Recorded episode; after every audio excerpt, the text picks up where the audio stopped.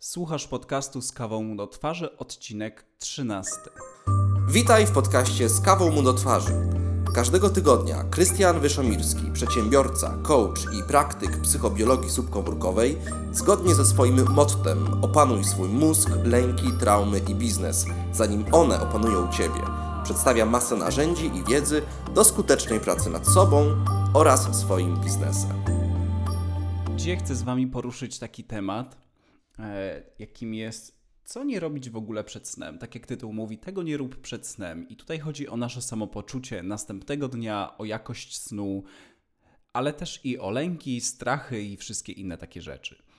W trakcie podcastów kolejnego i tego i kolejnych następnych, ale także to jest coś, z czym możecie się spotkać w trakcie moich szkoleń, mojego pisania, blogów, tekstów, książek, e-booków itd., wszelkich nagrań i treści, które w ogóle y, tworzę, produkuję, piszę, nagrywam i tak dalej, są dwa określenia: lęk i strach. Lęk stosujemy jako określenie czegoś irracjonalnego, natomiast strach może być przed czymś rzeczywistym, zwyczajnie. Więc tutaj tak na wyjaśnienie, na sam początek, żebyśmy wiedzieli, o czym mówimy. Bo o tych lękach i o tych strachach dzisiaj wydaje mi się, że będzie najwięcej. W takim razie, czego nie robić przed snem i jak długo tego nie robić przed snem? Temat snu interesował mnie szczególnie wtedy, kiedy właśnie zaraz przed zasypianiem napadały mnie zwyczajnie ataki paniki. No i to nie jest przyjemne doświadczenie. Yy, I jeżeli chcecie, to nagram Wam troszeczkę więcej o tym. A raczej na pewno nagram. Nawet sobie zaraz po nagraniu napiszę to, żeby opowiedzieć troszeczkę o tym, yy, o tych atakach paniki, bo jest to temat rzeka, nasze zachowanie i tak dalej. Ale o śnie. W takim razie, czego nie robić przed snem? Co jest najważniejsze? Ten czas przed snem, kiedy chcemy przede wszystkim dobrze spać i chcemy mieć dobrą jakość snu, to w jaki sposób możemy zadbać o siebie w ogóle psychicznie, żeby ta jakość snu i następnego dnia była dobra? Na pewno słyszeliście o odpowiedniej temperaturze, o odpowiednim zaciemnieniu pomieszczenia, o mediach społecznościowych, o tym, żeby nie świecić sobie w oczy niebieskim światłem, bo wzrasta wtedy E, spada wtedy melatonina, więc nie chce się nam spać i tak dalej. Ja nie chcę dzisiaj o tym. Ja chcę Wam zaproponować dzisiaj troszeczkę inne podejście do spania i tego, czego nie robić przed snem. Troszeczkę o tym ekranie też powiem, natomiast nie o takiej strony, jak to będzie działało, czy to światło, czy to nie światło, ale co nam to może zrobić. To może od tego telefonu zacznę. Duża część osób, którą znam, znowu, e, bo to najlepiej z doświadczenia jest obserwacji zawsze, prawda? Nie tylko z teorii. Ale przed snem, żeby lepiej się spało, sięga za telefon. Nie chodzi tylko o ustawienie sobie budzika, ale konsumowanie różnego rodzaju treści. I wydaje się to niczym złym. To znaczy, super jest sobie coś obejrzeć, coś śmiesznego, coś zabawnego. Niektórzy lubią oglądać horrory przed snem i tak dalej. I oczywiście, gdybyśmy weszli głębiej, jak to na nas działa, no to by się okazało, że tak naprawdę pojawia się pytanie, co my powinniśmy w ogóle oglądać. Więc nie na tym rzecz polega. Ale chodzi o to, że kiedy wchodzisz już w, w internet, trafiasz do mediów społecznościowych i zaczynasz konsumować treści, to pewne rzeczy dzieją się u ciebie świadomie, a pewne rzeczy zachodzą na poziomie nieświadomym. I oczywiście, jak zawsze, ta nieświadomość ma większe znaczenie. I co tym razem przed spaniem ma nam do powiedzenia ta nasza część nieświadoma? Od porównywania się po lęki egzystencjalne, po różnego rodzaju inne lęki, aż po faktycznie realne strachy, które jest to w stanie nas wzbudzić.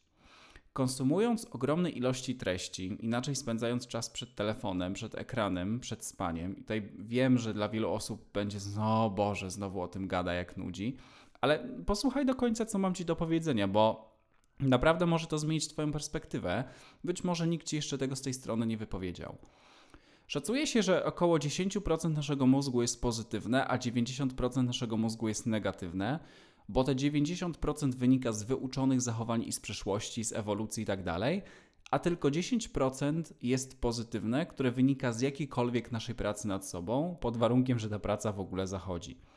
Stąd praktycznie wszystkie czynności, które podejmujesz na co dzień, nieważne w jakiej porze dnia, czy są to ludzie, e, czyli mówimy teraz o obszarach, czy jest to pora dnia, czy są to obszary, ludzie, praca, zarabianie, sport, relacje, wyrażanie emocji, Twoje zachowania, Twoje schematy życiowe wynika z przeszłości.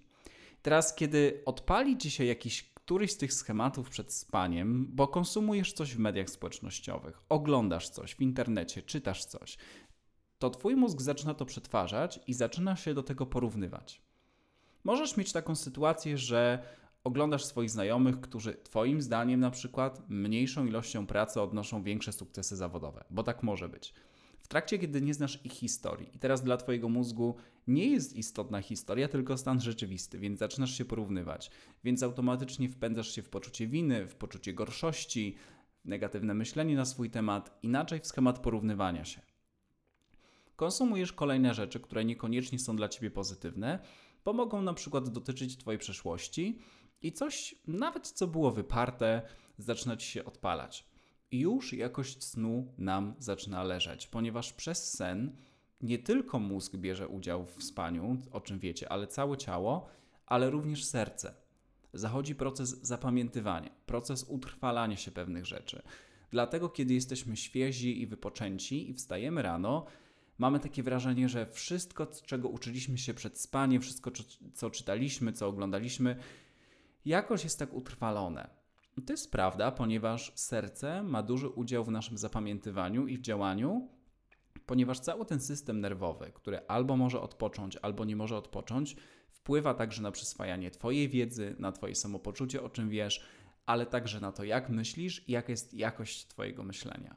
Ludzie, którzy mają tendencję do tego, żeby spędzać bardzo duże ilości czasu przed ekranami i cały czas konsumują, mają bardzo często mechanizm ucieczki od samych siebie. I ten mechanizm ucieczki od samych siebie bardzo często właśnie objawia się przed snem, kiedy ciało chciałoby przejąć kontrolę, ponieważ wydaje się, że jesteśmy zmęczeni, albo czasami nie jesteśmy zmęczeni, ale nasz biologiczny, wyuczony zegar mówi, że no, fajnie by było pójść spać, ale z jakiegoś powodu nie mogę zasnąć. Czyli pojawia się jakiś rodzaj napięcia, który wcale też nie pomaga w zaśnięciu, biorę za telefon albo za komputer, czyli znowu też niebieskie światło, rozregulowanie hormonu, dołóżmy do tego jeszcze emocji i mamy piękną mieszankę wybuchową tego, czemu jest nam po prostu źle dzisiaj i przez następne dni albo nawet przez następne tygodnie, jeżeli porządnie się zaktywowaliśmy, nie? Czyli jeżeli porządnie nacisnęliśmy w sobie na odpowiedni guzik. I to są rzeczy, które dzieją się w nas niestety nieświadomie, ponieważ wydaje nam się, że konsumując te wszystkie obrazki, te wszystkie rzeczy, będzie nam lepiej. No bo mamy dobre chęci, mamy naprawdę dobre intencje, chcemy sobie po prostu spędzić jakoś dobrze ten czas przed snem, ale z drugiej strony, czemu cały czas potrzebujemy od czegoś uciekać? Czemu tak bardzo nie chcemy usłyszeć tego, co nam mówi nasze wnętrze?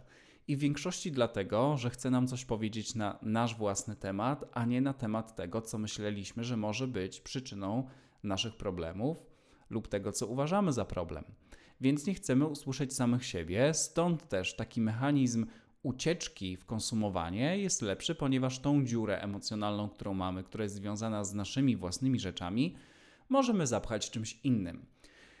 Teraz, kiedy robisz to przed snem i przyzwyczajasz się do tego, wkraczasz w pewnego rodzaju obszar nawyku. Niektórzy nie zasną bez gadania przed snem, niektórzy nie zasną bez gadającego telewizora, bo boją się po prostu tej ciszy, boją się tego czasu spędzonego ze sobą. I teraz, kiedy wchodzisz w taki świat, i teraz, kiedy wchodzisz w takie nawyki, to rzecz, która się zadziewa, jest taka, przyzwyczajasz się, że ten czas przed snem musi być stresujący. Szczególnie jeżeli większość rzeczy tego typu zachodzi po prostu w miejscu, gdzie masz spać. Twój mózg zaczyna utożsamiać, mm, zaczyna utożsamiać Miejsce, w którym śpisz ze stresem. Zaczyna utożsamiać miejsce, w którym śpisz z tym, że to jest jakieś objawienie, ym, rozmowa ze sobą, coś strasznego, coś trudnego, coś, co powoduje w tobie lęki. Dlatego też tak wiele osób bardzo często ucieka z miejsca, w którym mieszka, z myślą taką, że o, po prostu muszę odpocząć. Nie, nie musisz odpocząć. Po prostu potrzebujesz się bardzo często zmierzyć ze sobą, tym bardziej jeżeli przez większość czasu ktoś tak naprawdę nic nie robi.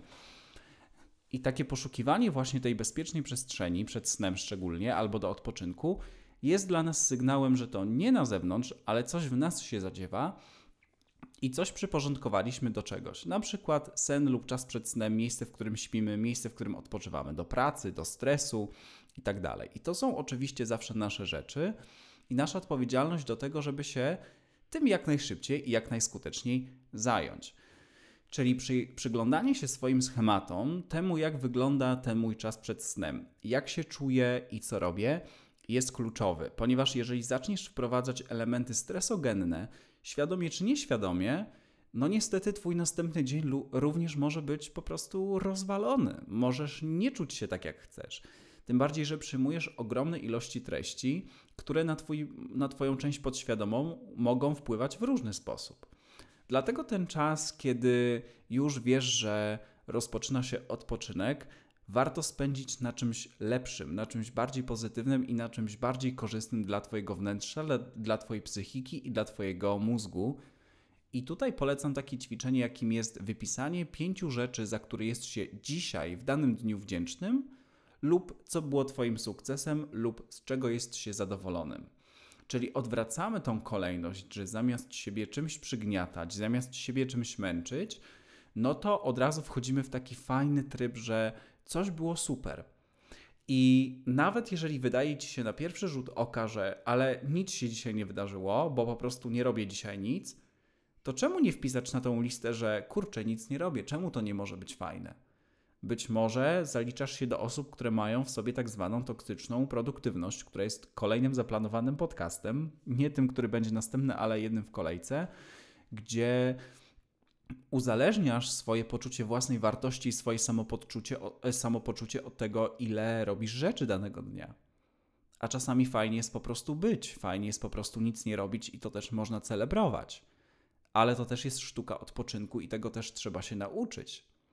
Więc jeżeli przed snem zaczynasz sobie wsadzać wszystkie rzeczy do głowy, które były złe, które ci nie działają i zaczynasz rozkminiać pewnego rodzaju problemy, to niemalże masz gwarancję, że albo przyśni ci się coś nieprzyjemnego, bo kiedyś to musisz przetworzyć, a podczas snu, kiedy twoje mięśnie są niemalże obezwładnione, żeby ci się nic nie wydarzyło, dlatego bardzo często mamy też paraliż senny, albo w momencie, kiedy zaczynasz sobie wsadzać pewnego rodzaju rzeczy, myśli na swój temat, na temat swojego życia, na temat swojego dnia do głowy przed snem, to nic dziwnego, że budzisz się rano zestresowany, zestresowana, bez chęci albo w pogorszonym nastroju, skoro cały czas nosisz w sobie przez od wczoraj nawet, albo te rzeczy, które się wydarzyły podczas snu, w tej chwili, w teraźniejszości, w tym momencie. Twoje myśli, Twoje emocje, Twoje uczucia, reakcje, działanie i wyniki danego dnia i nawet sytuacje, które sobie będziesz powodować, będą krążyły wokół tego tematu, którym zajmujesz się najczęściej myślenia. I to, o czym myślisz, jakość Twojego myślenia i jakość tych kilku godzin przed snem, niektórzy mówią, że dwóch.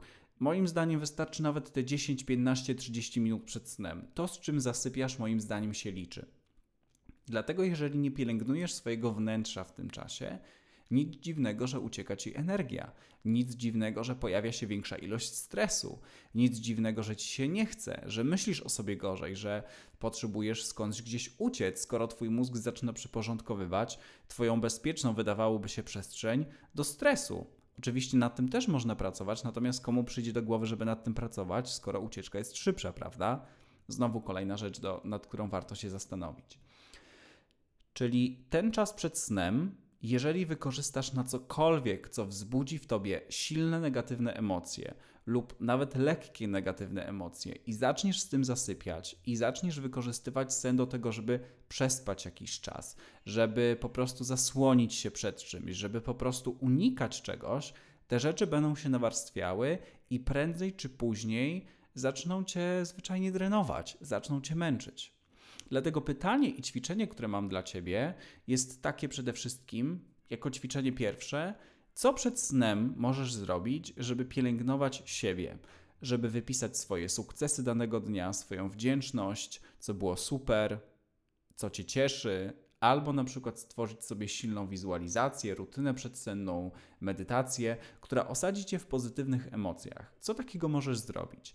Być może, i tutaj przykłady, możesz zacząć wypisywać swoje sukcesy, zacząć wypisywać swoją wdzięczność, możesz stworzyć wizualizację swojej przyszłości, albo może chcesz siebie słuchać i wypłakać to, co się w tobie dzieje, bez osądu żadnego siebie. i wtedy zasnąć ze spokojem, bo coś z ciebie uleciało.